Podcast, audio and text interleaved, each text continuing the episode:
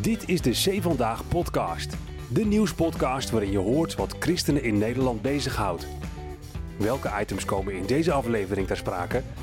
Presentator Jeffrey Schipper praat je bij.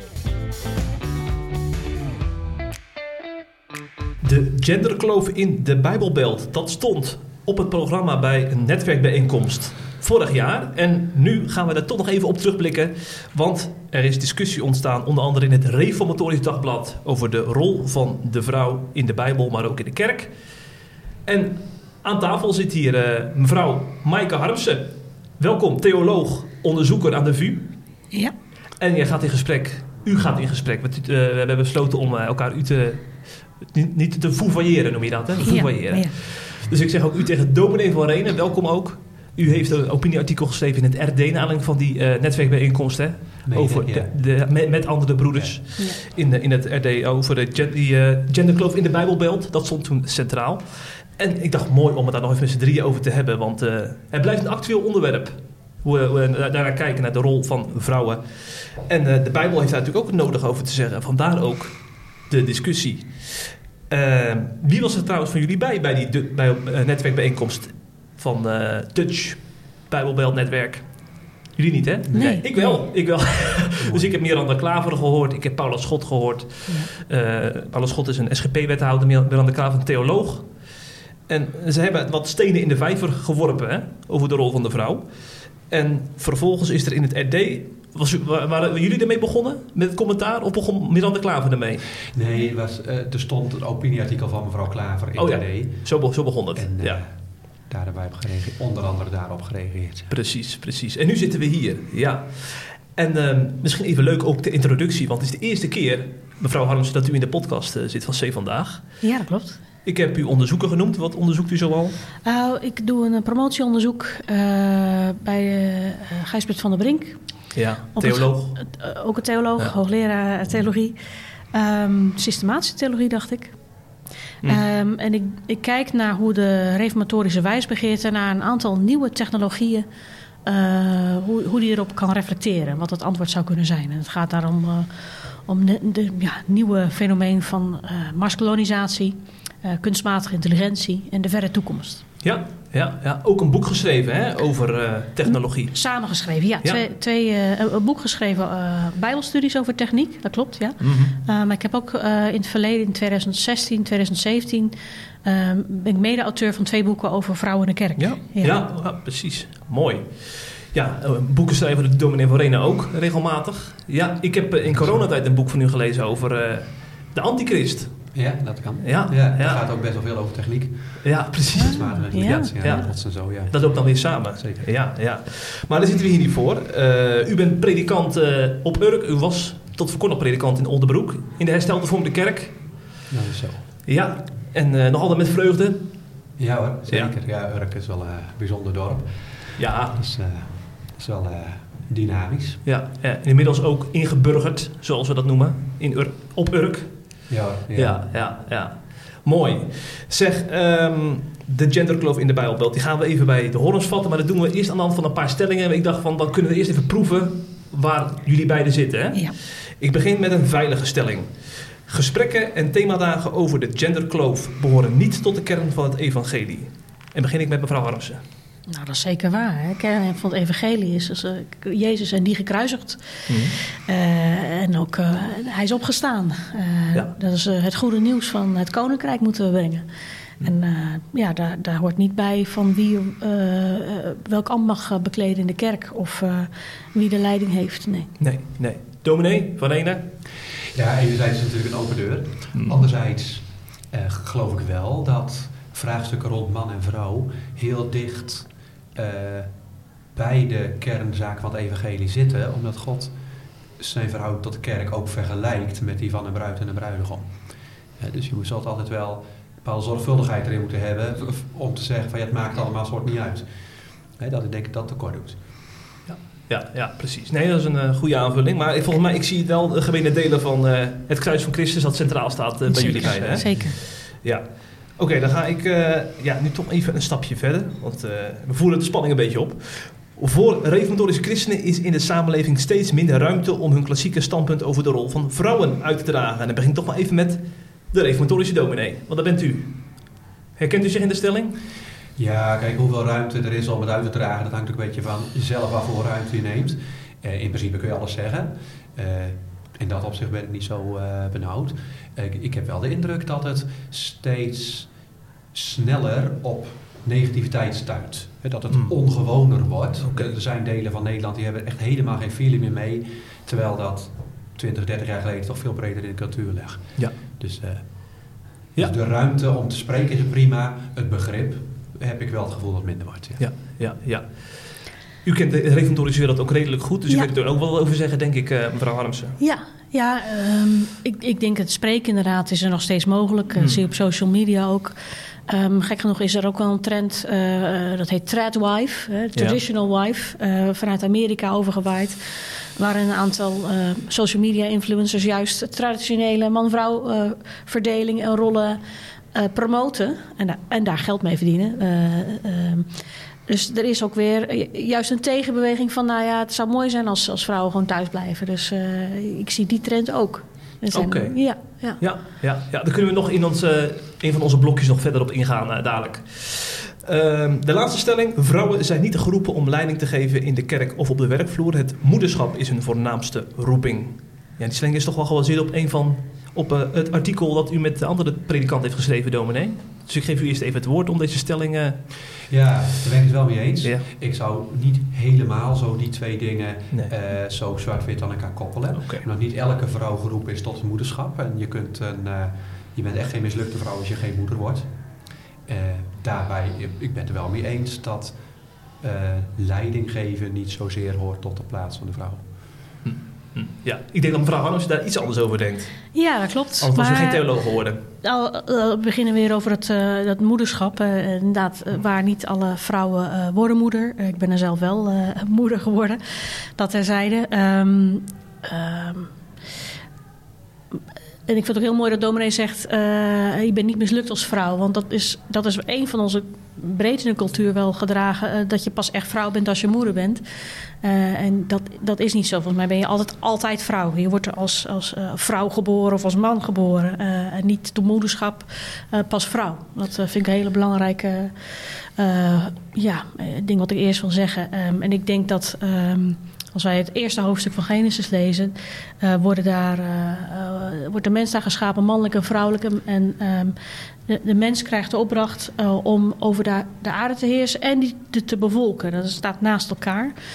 Um, een van de eerste mensen die schreef in, de, in de, de, vandaan kom, de, vroeger de vrijgemaakte kerk en nu de Nederlandse kerken.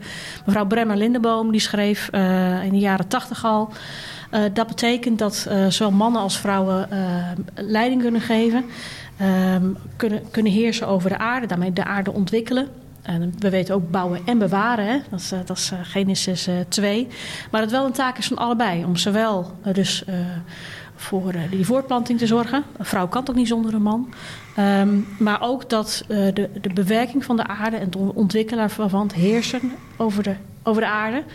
Uh, dat het iets voor mannen en vrouwen is. Ja, ja. ja, dit gaat nog verder in de podcast dadelijk uitgediept worden. Maar misschien kan ik toch even op reageren. Ja? Ja, Kijk, ik ben het wel mee eens. En zeker mee eens dat, hè, dat gezamenlijke... Um, wat heel mooi is... Als je, laatst bij het huwelijkstoerist in onze gemeente noemde nog mm. iemand het... dat een juist door de plaats van man en vrouw te zien, dan zie je dat een man niet kan zonder de vrouw en de vrouw niet zonder de man. dus het, de, het, idee van onafhankelijkheid, dat is er niet bij de vrouw, maar ook niet bij de man. We zijn allebei een soort afhankelijke wezens. En dus die gezamenlijkheid vind ik wel belangrijk. Alleen, en daar zullen we het verder over hebben, is daar wel onderscheid in welke positie ze hebben in die gezamenlijkheid. Eh, daar sluit ik ook weer bij aan. Die, die uh, afhankelijkheid van elkaar uh, is groot. Het kan ook een keuze zijn om bijvoorbeeld economisch tijdelijk afhankelijk te zijn. Hè, dat er een kostwinner is een aantal jaren, een jong gezin. Uh, maar dat, dat is een gezamenlijke afspraak die, die man en vrouwen samen kunnen maken. Um, het gaat mij om het, het, grotere plaatje dat zowel man als vrouw dus dezelfde opdracht hebben gegeven van God. Uh, een opdracht in hun mens zijn. Straks meer daarover. Ja. ja, ja want tot zover de stellingen. Ik wil eerst nog even helemaal terug naar de schepping. Hè? Ja. moet eigenlijk uit- uit- Ja. allemaal beginnen in Genesis. En, eh, want de scheppingsorde wordt natuurlijk heel vaak aangehaald hè, in, de, in discussies erover. En, u, eh, u, dominee, steekt met zes andere predikanten een opinieartikel in het RD. Eh, en daarin ligt, ligt u de scheppingsorde vanuit eh, onder andere Genesis Stevens 18 toe. Hè? Kunt u dat nog eens in eigen woorden vertellen? Wat er met scheppingsorde wordt bedoeld? Ja, scheppingsorde even algemeen Ja. is hè, dat eh, de, de manier waarop God de, de geschapen heeft. Mhm. Hè, dat God heeft niet maar, zeg maar een willekeurige bak met organismen geschapen. Maar God heeft zijn schepping een bepaalde orde gegeven. Die zit zeg maar ingebouwd in de structuur van de schepping. Die, aan de ene kant kun je zeggen dat is gewoon schepselmatig gegeven. Hè, de, zeg maar DNA bijvoorbeeld. Hè, dat eh, een, een dier is anders qua DNA dan een mens. En, eh, een man is qua DNA anders dan een vrouw. Eh, licht is anders dan duisternis, gewoon natuurkundig. Het tweede wat bij de scheppingsorde hoort, is dat God daar een bepaalde opdracht aan gegeven heeft. Van wil je daadwerkelijk dat mijn schepping functioneert, dan zul je ook moeten houden aan hoe ik het bedoeld heb. Nou, en toegepast op man en vrouw, hè, dan kun je aan de ene kant dus zien, het, de bouw van de man is anders dan van de vrouw. Hè, DNA, maar ook gewoon lichaam, de hormonen. Eh, het tweede is dat God ook een andere roeping geeft aan de man dan aan de vrouw. En die, dat verschil in roeping, dat is dus onderdeel van de scheppingsorde. Ja. ja. Mevrouw Harms, hoe denkt u daarover?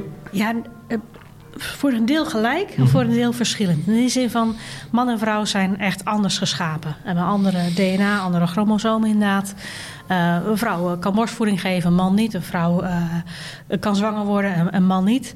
Ehm, eh, de, de vraag is, vroeger werd het nog, ook nog anders uitgelegd. Mannen zijn rationeel, vrouwen emotioneel.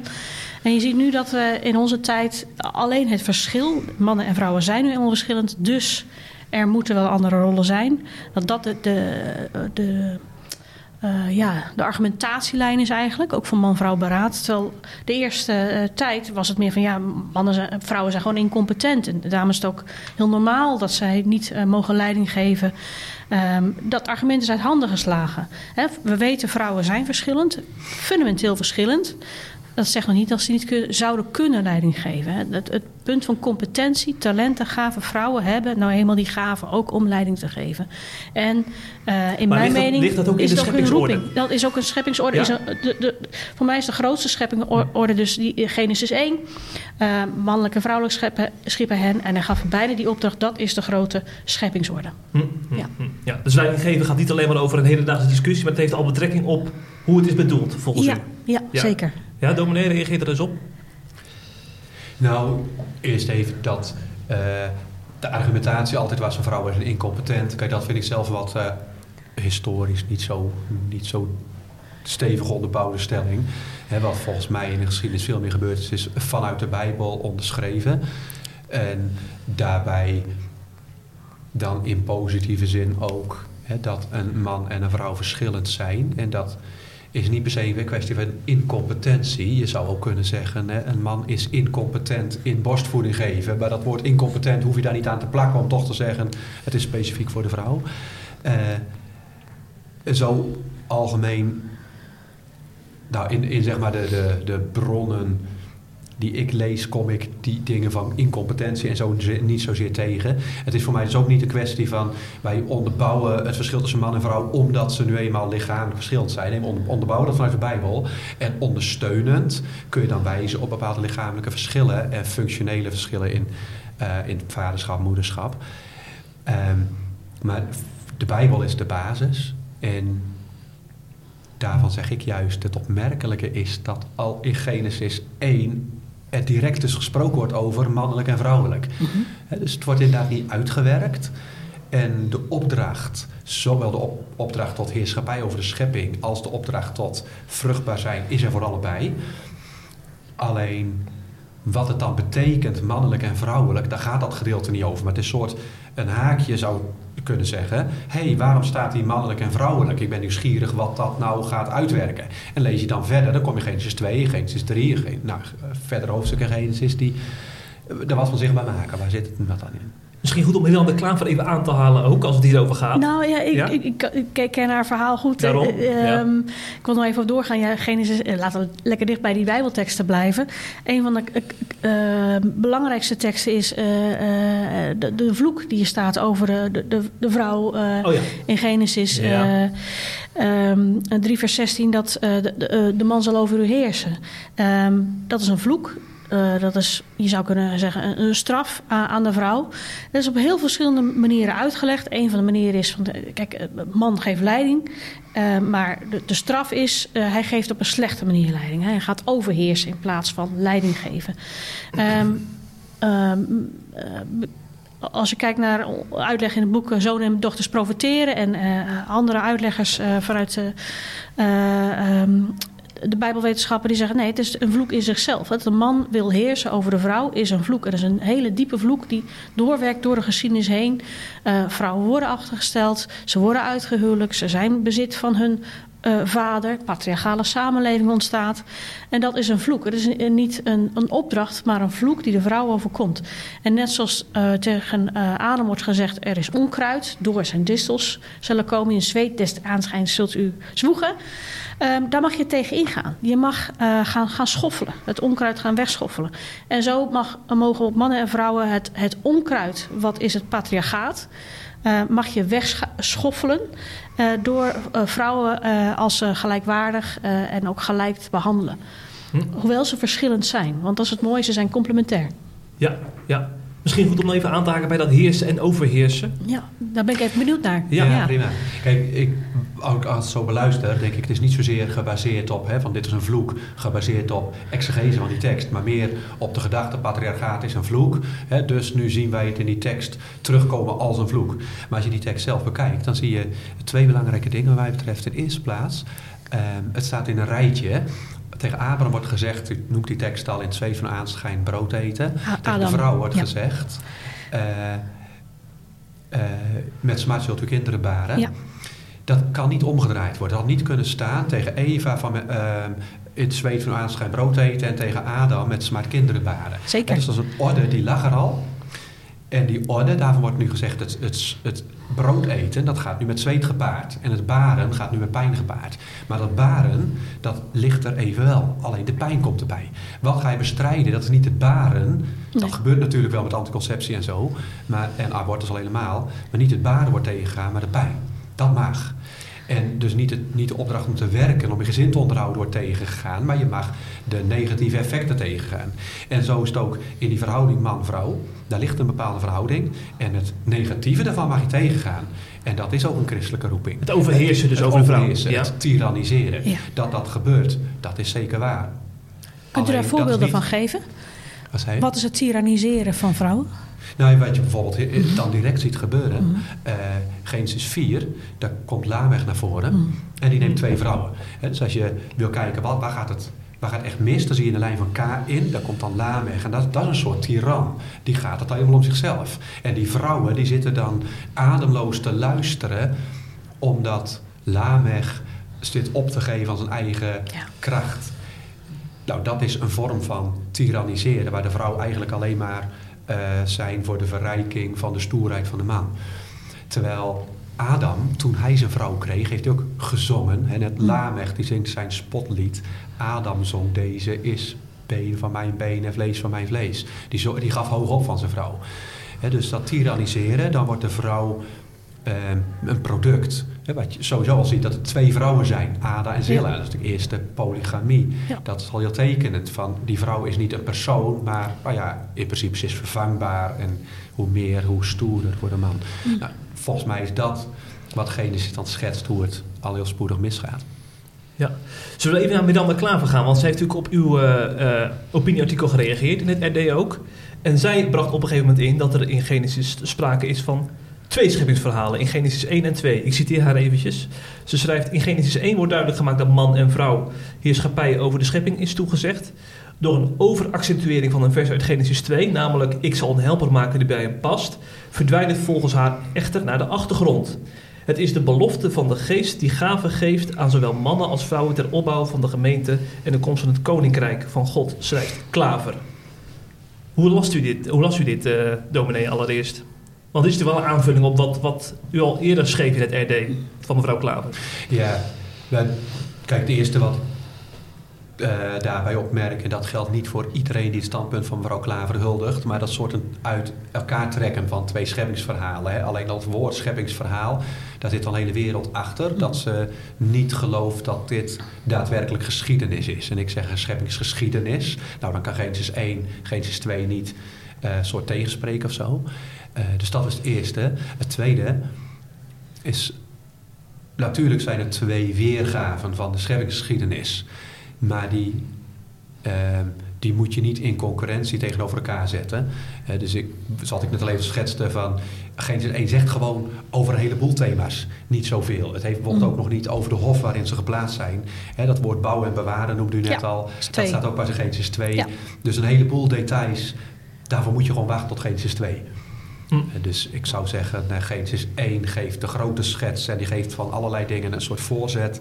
En als het goed is, word je nieuwsgierig gemaakt van hé, wat valt er nog meer over te zeggen? Nou, dan valt er dus over man en vrouw nog veel meer te zeggen. Mhm. Mhm. Nou, ik ben er wel mee eens. Het is consistent. Hè? Genesis 1 en 2, eh, de hele Bijbel. eh, een co- consistent verhaal, eh, zeggen we altijd. Maar ook Genesis 1 en 2 horen echt bij elkaar. Genesis 2 eh, zoomt in. Ik ben ook iets, eh, iets andere mening dan Miranda over dat, eh, dat hulp eh, tegenover hem, dat hulp tegenover hem, eh, dat het een, ja, iets, iets eh, is wat, wat eh, een vrouw achterstelt. Het, staat heel nadrukkelijk, eh, ze is een, een tegenover, tegenover de man, dus niet onder de man. Geen hiërarchie. En het woord hulp wat daar gebruikt wordt, wordt ook gebruikt.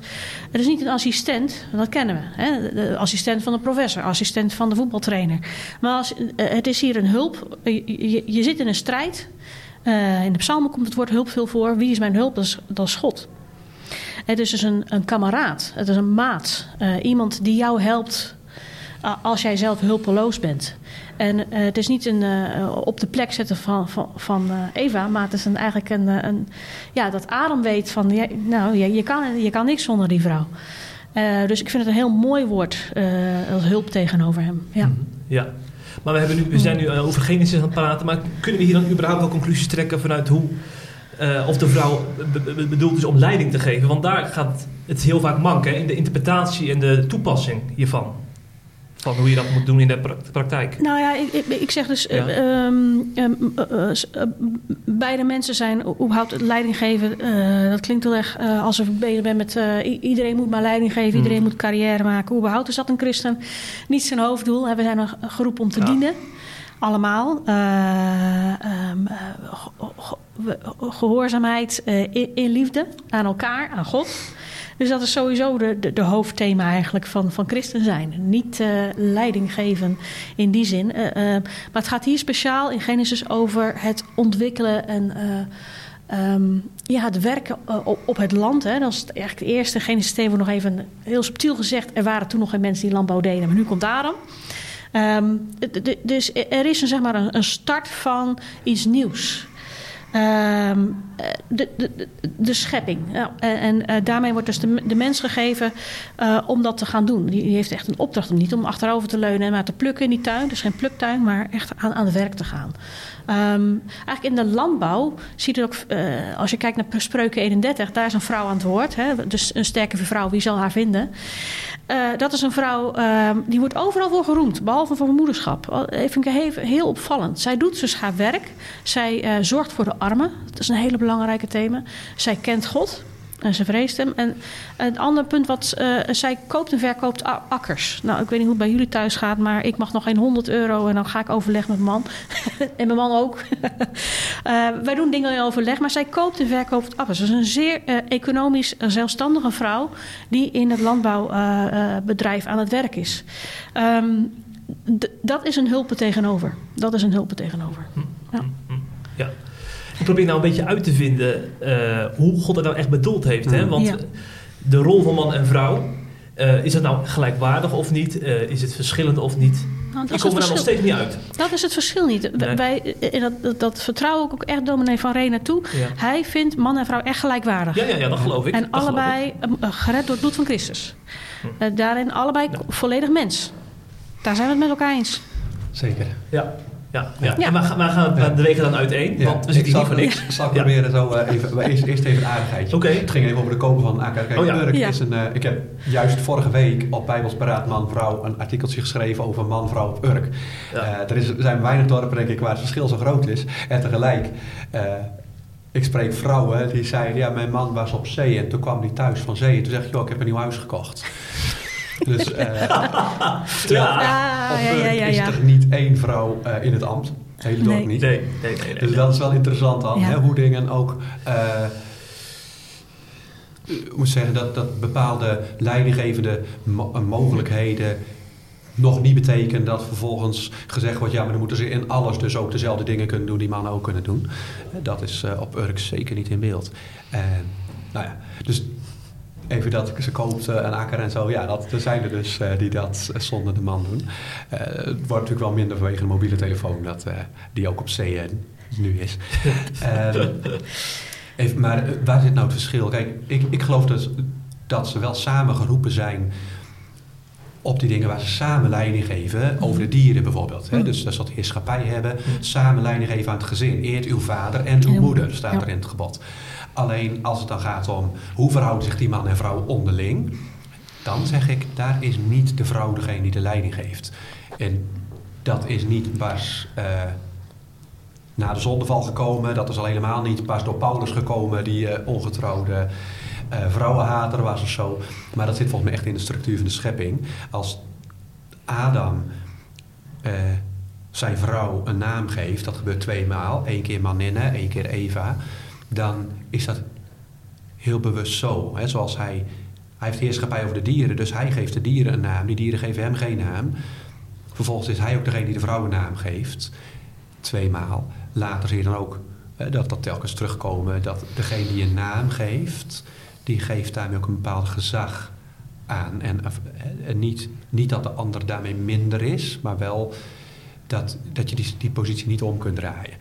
Eh, na catechizanten en hu- in huwelijkstoerusting en zo, daar vergelijk ik het altijd met een lichaam. Waar je een hart hebt en een hoofd, hè, waarbij het hart vergelijkt met de vrouw, het hoofd met de man. Je kunt nooit zeggen, mijn hart is minder belangrijk dan mijn hoofd. Zou wat Ze zijn. kunnen allebei niet, echt niet zonder elkaar. Zijn werkelijk volstrekt onmisbaar voor een goed Mm. functioneren van je lichaam. Maar het functioneert wel alleen maar als mijn hoofd boven is en mijn hart eronder. Als, maar, als ik mijn lichaam omdraai en ik lo- loop op mijn handen en mijn hoofd onder, dan krijg ik geweldige hoofdpijn. En dan is het Ja. hart boven en het hoofd onder. Dan, dan kun je niet zeggen, ja, eigenlijk wil het hart ook wel een keer boven zijn. Dat zou eerlijk zijn. Nee, gelijkwaardig.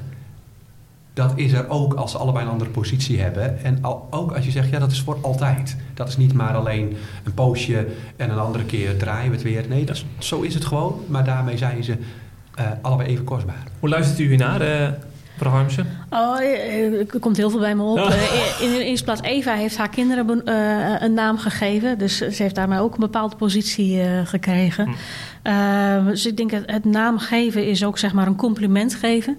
En dat Adam zijn zijn vrouw een naam geeft, ehm, zegt in die zin niet zo heel veel. Ehm, en het andere is, ik ben, ook even benieuwd. eh, het gaat vaak over het huwelijk, maar het gaat ook over mannen en vrouwen zijn zo. Eh, en ik, eh, van Man-Vrouw Beraad weet ik ook dat jullie veel ook kijken naar de, de, Amerikaanse wereld, waarin Piper en Grudem het beroemde boek hebben geschreven, Blauwe Boek. Ehm eh, Rediscovering Biblical Manhood and Womanhood. En die zeggen het is inderdaad meer dan alleen het huwelijk. Hè, mannen zijn altijd het hoofd en vrouwen zijn altijd het, het lichaam, zeg maar. Ehm, en, en daarom betekent dat dat er eh, ook in de, in de toekomst, na de jongste dag, mannen voor eeuwig zullen regeren. Als koning zullen heersen. Dat zal betekenen dat mannen voor eeuwig zullen heersen over alle vrouwen. Hè. Er is geen huwelijk meer. Maar dan zullen wel alle vrouwen voor eeuwig eh, en vrijwillig onderdanig zijn aan alle mannen. Ehm, ik ben even informatief benieuwd van, ziet u dat ook? Dus behalve het huwelijk dat eh, mannen altijd een leidinggevende, ik noem even dispositie hebben, dus een, een karakter hebben richting alle vrouwen, Ehm, of dat daar weer nog een verschil tussen zit.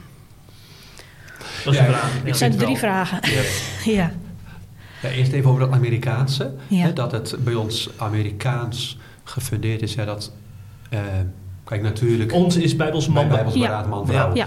Eh, Dat dat op Amerika gebaseerd is, ja, dat is eigenlijk maar heel beperkt zo. Omdat in de traditie alle eeuwen door dezelfde lijn ook in Nederland gehanteerd is. Het klassieke huwelijksformulier is gewoon... eh, eh, eh, nou, komt uit Duitsland, maar is in, eh, altijd in Nederland ook gehanteerd.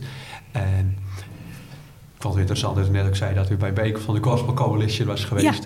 Dus eh, om wel eens naar Amerikaanse theologen te kijken, dat is bepaald niet eigen aan de conservatieve Nee, theologen. zeker niet. Eh, er zijn nu eenmaal in Amerika heel veel theologen. Ja. En goed, die hebben inderdaad ook eh, een boek geschreven waar veel mooie dingen in staan. En eh, waar in, in, in hoofdlijn best wel ja, mee eens ben.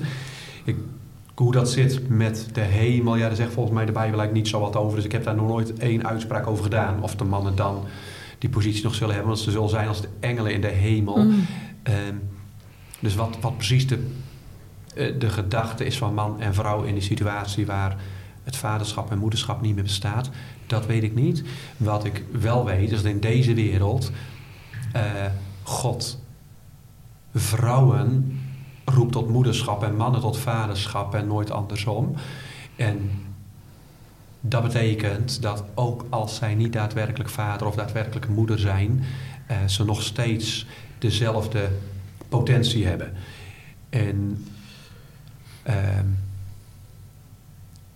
als je zegt van het, het, het hoofd zijn van het gezin of zo, dat beperkt zich louter tot het huwelijk, dan verlies je iets van het, het, zeg maar het oefenen in het man zijn en het oefenen in het vrouw zijn.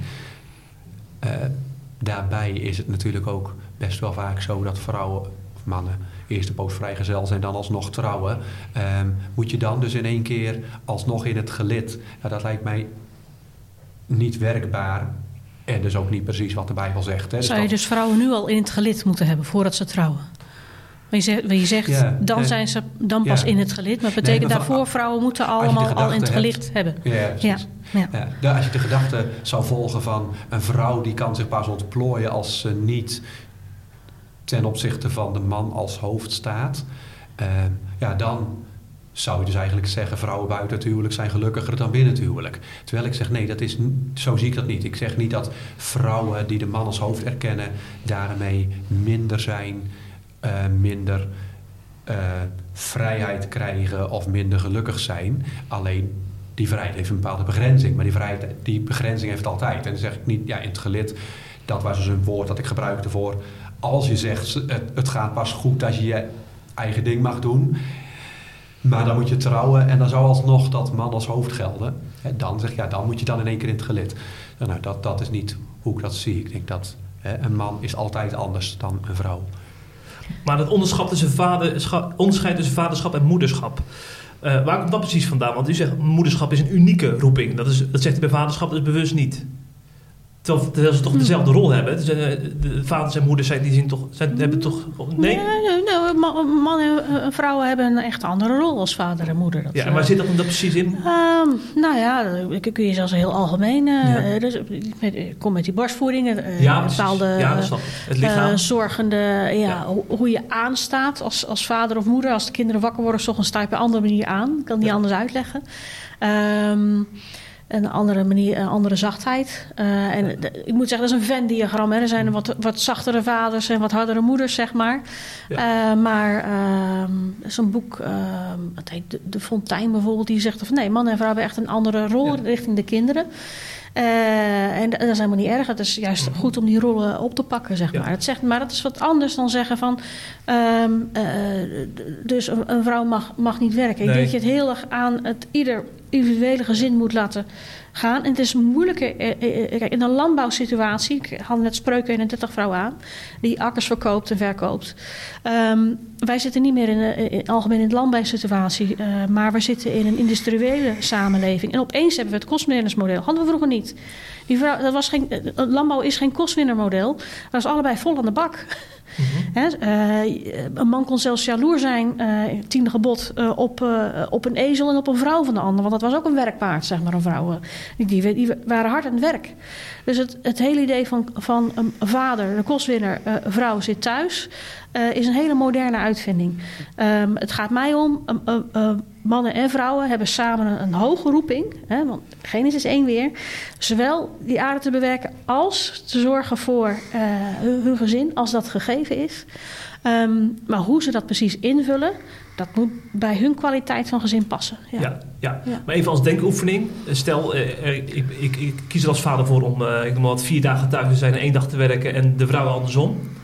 Is dat dan verder van de Bijbel af dan wanneer de moeder vier dagen werkt en, uh, en de man één papa-dag heeft, zal ik maar zeggen? Daar ben ik even naar benieuwd naar, hè? Om, om, te, om te laten zien wat nou de Bijbelse lijn is.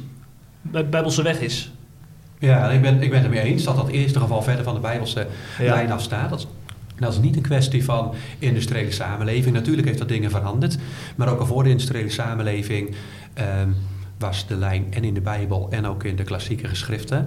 Hè, dat de vrouw er is om direct bij het gezin te staan, de zorg voor de kinderen te hebben. En de man om uh, te zorgen dat er genoeg inkomsten zijn. Dat bij die inkomsten de vrouw een rol speelt. Uh, uiteraard, en uh, bij de besparing daarvan uh, minstens zoveel. Alleen, uh, daar is nog wel steeds zo dat dat de hoofdverantwoordelijkheid voor de man is. Als je kijkt in 1 Timotheus 5, er wordt heel nadrukkelijk gezegd... de vrouw uh, geroepen is om voor haar eigen gezin te zorgen. 1 Timotheus 3, de man om zijn eigen gezin te regeren.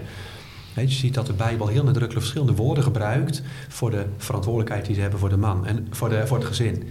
En natuurlijk als omstandigheden zich voordoen... Uh, het zijn niet in die zin absolute geboden dat een man die uh, vier dagen voor zijn kinderen zorgt, dat die in overtreding is. Als de omstandigheden zodanig zijn dat een man arbeidsongeschikt is, maar hij is nog wel in staat om de broodrommels van zijn kinderen klaar te maken en, en, en de kinderen op te vangen uit school en al die dingen eromheen, nou dan, dan zegt dus die flexibiliteit is er wel, mm -hmm. alleen dat is de uitzondering en niet de regel. De, de Bijbelse regel die gaat altijd op natuurlijk in de zin van een, een gezonde situatie, hè, waar, de, waar de mogelijkheden zijn. En daar is uh, de man degene die voor het inkomen zorgt en de veiligheid van zijn gezin. En de vrouw degene die uh, direct haar kinderen nabij is en zorgt voor een thuis voor de man. Ik zag wat gefronste wenkbrauwen hier aan de linkerkant. Nou, die, die teksten van uh, Timotheus is wel interessant. Uh, eentje gaat namelijk over de jonge weduwen, of ze niet moeten hertrouwen volgens mij. Dus dat gaat direct over iemand met een speciale taak in de gemeente. Um, en, en, een jonge weduwe kan beter gewoon voor haar gezin zorgen. En niet in de kerk gaan werken, terwijl ze nog gewoon een gezin thuis heeft. En de andere tekst was uh, ook een hele mooie tekst, gaat over de ambtsdragers, hè, of een ouderling eigenlijk moet ik zeggen. Dat hij goed leiding geven moet aan zijn huisgezin. Dus inclusief trouwens de, de, de, slaven. Dat is um, uh, een belangrijke tekst. Want als, als hij dat niet al kan doen, wat kan hij dan in de kerk nog betekenen? Dus ik, uh, het zijn hele mooie aanwijzingen. maar die volgens mij niet bepalend zijn in de zin van, zoals de, de vloek zeg maar, opeens de taken van man en vrouw uit elkaar trekt. Hè? Genesis 3, vers 16. opeens krijgt de vrouw een bepaalde zwaarte van, van bevalling en, en overheersing. Uh, en een man krijgt zwaarte in, in, uh, in zijn werk. Ook dat is onderdeel van de vloek. Dat het uit elkaar wordt getrokken. Dus daarin verschillen wij van mening over de, de uitleg van, van die teksten. Maar um, voor ons zijn die teksten zelf net, net, zo belangrijk. Dat is het, niet het verschil. Een ander punt is. Um, we zijn er nu heel erg mee bezig met uh, de vrouw als de moeder. Ja. Uh, ik, ik, bij ons is de jongste bijna uit huis. Uh, we zijn op tijd begonnen, zeggen we altijd. En uh, ze gaan op een gegeven moment studeren. Um, dan heb je weer een heel ander leven, al als gezin ook trouwens. Je kunt ook weer mensen weer uitnodigen trouwens. Gasvrijheid komt weer naar boven. Ook iets wat je samen oppakt. Um, maar dat betekent dat je ook nog, um, als God het je geeft, 40, 50 jaar... Uh, een leven hebt zonder dus de zorg van die, van die kinderen. En dat gaat, begint eigenlijk al als, als ze naar school gaan, heb je al een eerste stap. Uh, uh, en, en de vraag is van, moet je nou per se het, het moederschap wat... Nou, Steven, je, krijgt, je krijgt heel wat kinderen. Dat, dat 20, 30 jaar van je leven heel bepalend wil zijn. En je wil ook thuis zijn voor die kinderen. Heb je nog tientallen jaren dat ze er niet zijn. dat ze uit huis zijn. En als je veel kinderen hebt gehad, ben je ook nog heel efficiënt. Dan heb, dan heb je het goed geregeld. Wat ga je daarna doen met je leven? Dan heb je dus ook nog volgens mij een volledige roeping om uh, je, je uh, wat bij jouw talenten past uh, te bewegen en in een samenleving. En de moederschap, dat ligt ook daarbuiten. Nee, Wil, nee. Wilt u daarmee zeggen? Ja, en dat kan dus op, op jouw eigen vrouwelijke manier. Want ik zeg niet dat een vrouw als een man zich moet gedragen in de samenleving. Een vrouw zal het op een vrouwelijke manier doen. Uh, en moeten doen. Uh, maar dat, wel dat het ook een roeping is. En niet om thuis te zitten en ik ga maar, ik ga maar uh, mijn hobby's doen, want ik moet thuis zijn. En dat is wel een gevaar van vrouwen. als het moederschap zo groot is dat je daarna een periode van rouw hebt van ja, wat moet ik eigenlijk thuis? Nou ja, dan het huis versieren of zoiets. Ik denk van jongens, er is een samenleving vol, er is tekort in de zorg, tekort in het onderwijs. Pak het dan ook weer op. Ja, ja Domin, ik ben benieuwd wat, wat u hiervan zegt. Ja, ik, ik ja. zie sowieso verschil tussen uh, leiding geven of überhaupt werken buitenshuis. Of, ik ga er zo meteen nog wat over okay. zeggen. Maar ik eerst wel mo mooi vind wat, dat u het hebt over ook een groot gezin. Mm -hmm. He, dat speelt natuurlijk bij deze dingen ook wel een rol. Dat heel veel mensen geen groot gezin meer gewend zijn. Dus als je twee kinderen hebt, wat toch best wel standaard plaatje is... dan ben je ook heel snel door de kinderen heen. Ja. Terwijl als je 15 jaar lang kinderen krijgt... Wat, of 20 jaar lang, hè, een vrouw heeft best een lange vruchtbare periode... Nou, voordat je dan uit de kinderen bent, dan ben je inderdaad al wel 50. Ja. Um, en dan zit je weer in de kleinkinderen. En als je een groot gezin hebt, heb je ook veel kleinkinderen. Dus dan is ook de, eh, dat hoor ik ook van grote uh, gezinnen in de gemeente en zo. Hè, van, ja, er is altijd wel iemand met zorg. Hè? Dan, dan dit kleinkind, dan dat kind, dan die schoondochter. Dan, um, dus in een situatie waar gezinnen heel klein zijn, daar zit een vrouw al heel snel met de gedachte: ja, maar goed, als ik dan mijn gezin gehad heb, wat dan? Maar dat is natuurlijk niet per se de uitgangssituatie. Dat is ook een beetje de, de, mede een vrucht van de seksuele revolutie met anticonceptie en zo. Dus, dat is, dus ik vond het wel mooi dat u juist ook had over grote gezinnen. Uh, u noemt daarbij heel veel taken in de gemeente of school. Je ziet heel vaak gebeuren dat de vrijwilligerstaken op de school altijd terechtkomen op uh, de steeds kleiner wordende groep thuisblijfmoeders. Die hebben tijd om, om die taken te vervullen op school. Ja, die, die, daar kun je over, overdag zeg maar ja. op doen. Dus uh, het is absoluut niet zo dat moeders die hun tijd geven aan het gezin... daarna de boel de boel laten. He, dus, en je merkt juist in dorpen waar na verhouding nog veel mensen thuis zijn... zoals Urk, dat de zorg veel beter functioneert. Omdat er ook uh, veel mantelzorg en zo is. Dus daar waar iedereen gestimuleerd wordt om veel uren buitenshuis te werken, daar wordt de zorg en het onderwijs meestal niet beter op. Uh, nou goed, dan zou ik nog even wat zeggen over het onderscheid tussen leiding geven en buitenshuis werken.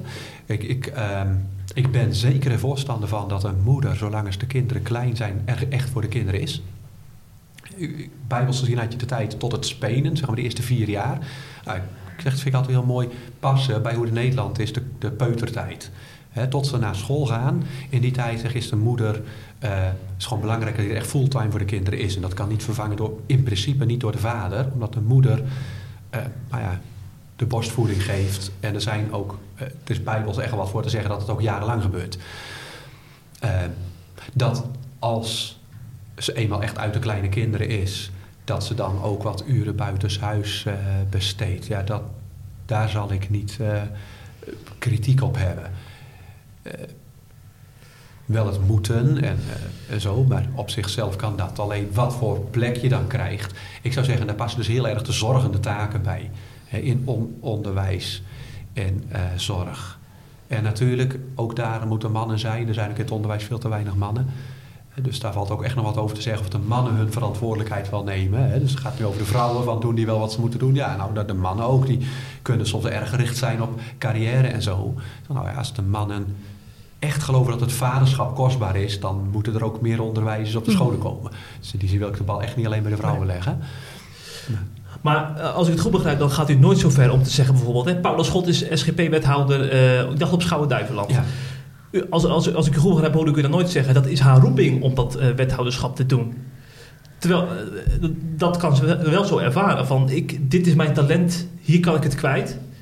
Maar volgens mij, als ik het, als ik het opinieartikel goed las, legde die roeping vooral toch weer in het gezin en bij, bij het moederschap. Of begrijp ik het dan verkeerd?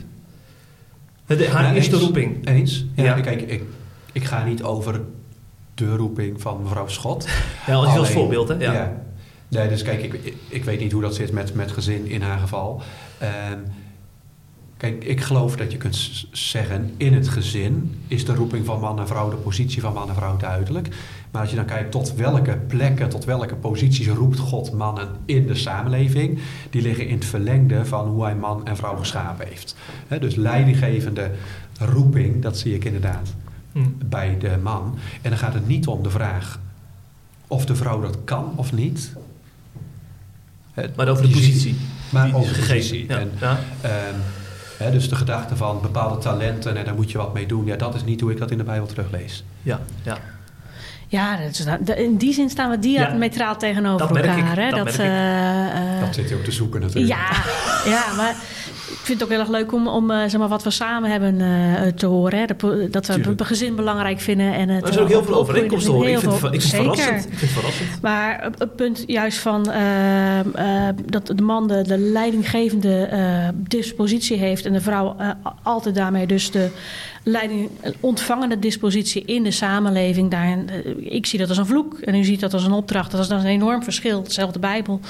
Ehm, en da- dan kom ik toch op, een bekend punt, eh, want u noemt vaak eh, door de eeuwen heen is, dit, is het zo geweest. Dan zeg ik van ja, dat is een vloek, die heeft eeuwen gewerkt. Het heeft ook heel erg lang geduurd en u voelt hem al aankomen.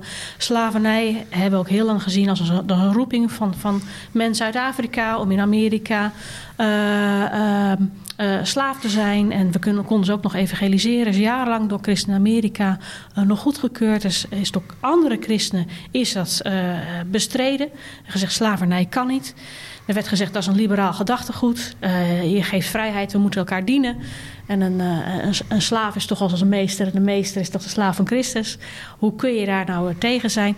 Het heeft eeuwen geduurd voordat wij een echt goed theologisch verhaal hadden om de slavernij af te schaffen. Terwijl het in de Bijbel. Hè, nu zeggen we vrij duidelijk is dat dat mag niet. Je mag een ander niet tot slaaf maken. Eh, ik, ik, ik durf te zeggen, ehm, eh, ook daarin eh, zien wij nu een, een. Daar begon er ook mee, een andere. ehm, argumentatie. U, zegt het, het, het komt altijd uit de, uit de Bijbel, dat is zo. Mensen hebben ook altijd de Bijbel gebruikt om te rechtvaardigen dat mannen de leidinggevende moeten zijn en vrouwen leiding ontvangende eh, moeten zijn in de, in de samenleving. Ehm, ook, ook de argumentatie, in, eh, de Bijbelse argumentatie daarvan is door de eeuwen heen veranderd. Hè, zoals ik al zei, dat ehm, die vloek in Genesis 3, vers 16 jarenlang niet als vloek werd gezien als een straf. En dus eh, eigenlijk een soort van opdracht, nou ja, ondergaat maar vrouw. Maar daarvoor was je, was je vrij. Maar nu heb, heb, jij ongehoorzaamheid gepleegd. En nu moeten alle vrouwen eh, daarin, eh, daarin lijden. Ehm, je ziet ook een argumentatieverschil. Vroeger zeiden mensen, vrouwen zijn er ook niet eh, competent toe. In de samenleving niet, in het gezin niet, in, in de kerk niet. Eh, Dat argument is weggevallen. Eh, het argument is nu alleen nog: mannen en vrouwen zijn gewoon verschillend. We hebben ander DNA. We zitten anders in elkaar. En dus moeten mannen altijd leidinggevend zijn, in welke vorm dan ook, zacht of hard. En vrouwen moeten altijd leiding ontvangen. Dat is, en dat is zeg maar een groot verschil in onze ehm, nou, beoordeling van een aantal eh, Bijbelteksten. En we hebben verschillende exegese erin, zeker. Ja, Ja. ja. dat is helder. Wilt u Ja. er nog op reageren, dominee? Ja, uiteraard.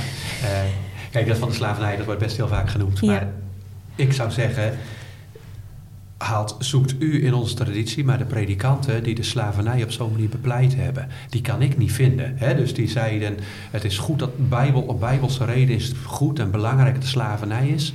Dat heb ik niet gevonden. In de reformatorische traditie Ja. hebben we het dan over. Gewoon, eh, Hmm. kijk, ik, dus je zult altijd bepaalde Amerikaanse eh, uitwassen vinden. Ja. En ook in Nederland was de laatste die slavernij heeft afgeschaft, dat wel. Dus Jawel, we hebben iets maar- in onze dominees, nu dat heeft niet geholpen. ehm, dat, eh, hè, dat de kerk altijd gezegd heeft op dezelfde argumentatielijn van de vrouw. Ja, dat is volgens mij echt niet waar. Dat er ehm, zo'n pleidooi gevoerd werd voor slavernij en dat er allerlei theologische argumenten. Hè, er zijn natuurlijk wel bepaalde theologische argumenten voor de, eh, nou ja, van, nou ja, dit is nu eenmaal de situatie. Maar dat is nooit een, een in de boeken die ik gelezen heb, eh, nooit iets geweest eh, waar men een punt van maakt, zoals het wel is van man en vrouw. Hè. Denk aan het klassieke huwelijksformulier. Ehm, daarbij is het zo dat de afschaffing van de slavernij, schaffing van de slavernij juist voortkomt uit orthodoxe christenen. Ja. Hè, William Wilberforce was, Yes. er stond echt in de eh, Puriteinse traditie. Eh, Nou, eh, hij was een Brit in Engeland. Eh, Ja. dus, eh, eh, Puritein is echt Amerika. Dus nee, Ed- dat, nee, Edwards dat is niet ja, ja, dat is niet Puritijnen die zijn... Ik, eh, eh, pietistisch zou je meer. nou ja, maar dat is... Revij? Nou, eh, weet ik eigenlijk niet. Ja, ja. Ah, dat voor de we weten het allebei niet. Maar, jawel, ik weet wel. Ja, nou ja, Wilberforce. Ja, die zijn mooie film. de 16e eeuw, maar dat maakt verder niet uit. Eh, John Newton was een slavenhandelaar. En eh, eh, die is later tot bekering gekomen. Die heeft best heel veel invloed gehad op Wilberforce. Ehm, dus de afschaffing van de slavernij ging echt via een andere lijn. Hè? Dus die is niet eerst bepleit door de kerk. En toen kwamen vanuit de wereld allerlei stemmen van het moet anders. En toen zeiden ze in de kerk, oh ja, dan gaan we het ook anders doen. Maar het is juist andersom gegaan. Hè? Daar waren de kooplieden die de slavernij bepleiten. En hè, zoals nu het bedrijfsleven juist zeg maar, een vrouwenquotum en zo eh, andersom heeft. En daar zei de kerk als eerste de slavernij moet worden afgeschaft. Dus eh, volgens mij is daar de route. Natuurlijk, dus hier is niet zwart-wit en daar is niet zwart-wit, maar over het algemeen is die volgens mij andersom. En het tweede is wat, eh, als het gaat om welke teksten zijn er gebruikt. eh, het klassieke huwelijksformulier, waar ik het vaker over heb, die stamt Mhm. uit eh 1566. Die eh, heeft als belangrijkste: Christus is het hoofd van de gemeente. En zo is de vrouw, of is man het hoofd van het gezin. Wat hij daarbij zegt is juist het heel mooie ervan. Zoals het hoofd, het lichaam eh, leidt, beschermt en eh, nou ja, bestuurt, zoiets. Zo doet Christus dat met de gemeente, zo doet de man dat met het gezin. Dus de, de hoofdargumentatie ligt niet in de zondeval, zelfs niet eens in de schepping, maar in wie Christus is. Dus om even terug te komen, Mhm. helemaal het begin. Dit is niet de kern van het evangelie, nee, maar het, het heeft wel heel nadrukkelijke raakvlakken met hoe we naar Christus kijken. En die, dat mooie, wonderlijke van het werk van Christus, daar wordt nou gezegd, kijk, dat, zo wil God nou ook dat in het huwelijk er eh, vorm gegeven wordt. Dus dat die man een heel kostbare positie heeft. Dus het is niet onderdrukkend of zo, eh, maar het is tegelijk ook weer niet om het even. Ik denk dat de lijnen zo helder zijn. Nou, even heel kort. slot- slotakkoord. Ja, Voor- over, over het uh, huwelijksformulier. Ehm, Het is heel bijzonder dat er, eh, eh, die tekst staat. Hè? Christus is het hoofd en hoofd eh, Hm. van, de, van de vrouw. Ehm, eh, man is het hoofd van de vrouw. Eh, dat, daarvoor staat in Efeze... eh, wees elkaar onderdanig en wees zo... Man en vrouw, wees daarna zo vrouw onderdanig aan uw man. Maar daarvoor staat heel nadrukkelijk... wees elkaar... Heb dus dat diepe respect voor elkaar. Wees elkaar onderdanig. En er staat niet bij eh, eh, het, eh, het hoofd leidt de, vrouw. Er staat nou juist, dat woord is toegevoegd in alle klassieke huwelijksformulieren. Zoals het hoofd is, leidt hij zijn vrouw. Er staat alleen, zo heeft hij haar lief en geeft zijn leven op. Dat is het omgekeerde van het hoofd in het leger. Hoofd in het leger die zorgt ervoor dat zijn leger zich opoffert voor de generaal. Dit hoofd offert zijn leven op voor het lichaam. Eh, wat, wat Christus gedaan heeft. Dus dat is even een, een, een, een, een groot verschil eh, wat het formulier erin heeft gesmokkeld. Die leiding geven. En nogmaals, dat is volgens mij een onderdeel van de vloek en niet van de opdracht. Hm? Maar Ja. dat is een verschil in mening. Ja, is de- die, mening. die verschillen blijven, ook Ja, met, ook met deze podcast. Maar ik heb ook heel veel overeenkomsten gehoord, dominee uh, Verenen en mevrouw Armsen. Dat vind ik mooi. En ik dacht, we hebben Bijbels Beraad doet regelmatig conferenties. Bijbels Beraad man-vrouw. En we hebben nou die, uh, die netwerkbijeenkomst met vrouwelijke sprekers gehad hè, over de genderkloof. Ik dacht, zou dat niet eens te combineren zijn? Dus dat Bijbels Beraad man-vrouw en die vrouwen die daar spraken, dat ze eens met elkaar in gesprek gaan zo in het openbaar. Dat Ja. zou best boeiend zijn, toch? Of niet? Ja. Ja. Nou ja, goed, het Sapientia, waar een van degenen die hebben mij wel eens gevraagd Oh, om bij hen een avond Ja. eh, te Het leiden. SGP Vrouwennetwerk is dat, Dat heb ik gedaan. Ja. Eh, toen eh, is wel de suggestie gewekt, want na mij zal Martine Lene daar een keer spreken. Toen is wel de, de gedachte geopperd dat dat een keer publiek eh, samen zou gebeuren. Zou maar boeiend zijn. blijkbaar hebben ze het eh, met mij niet Oh. meer aangedurfd. Nou, dit is een soort voorproefje. Ja, Wat dat ja betreft. leuk. Nou, gaat een keer komen. Wie. Bedankt eh, voor jullie komst, dominee van Renen en mevrouw Armsen, naar eh Zee Vandaag. En voor deze podcast. En tegen de podcastluisteraars zeg ik ook dat jullie eh, ervan genoten hebben van het gesprek. En dat jullie weer terugkeren bij een volgende podcast. Tot dan! Hopelijk heb je genoten van deze C Vandaag podcast. Volgende week is er weer een nieuwe aflevering. En blijf via cvandaag.nl op de hoogte van het laatste nieuws uit Christelijk Nederland.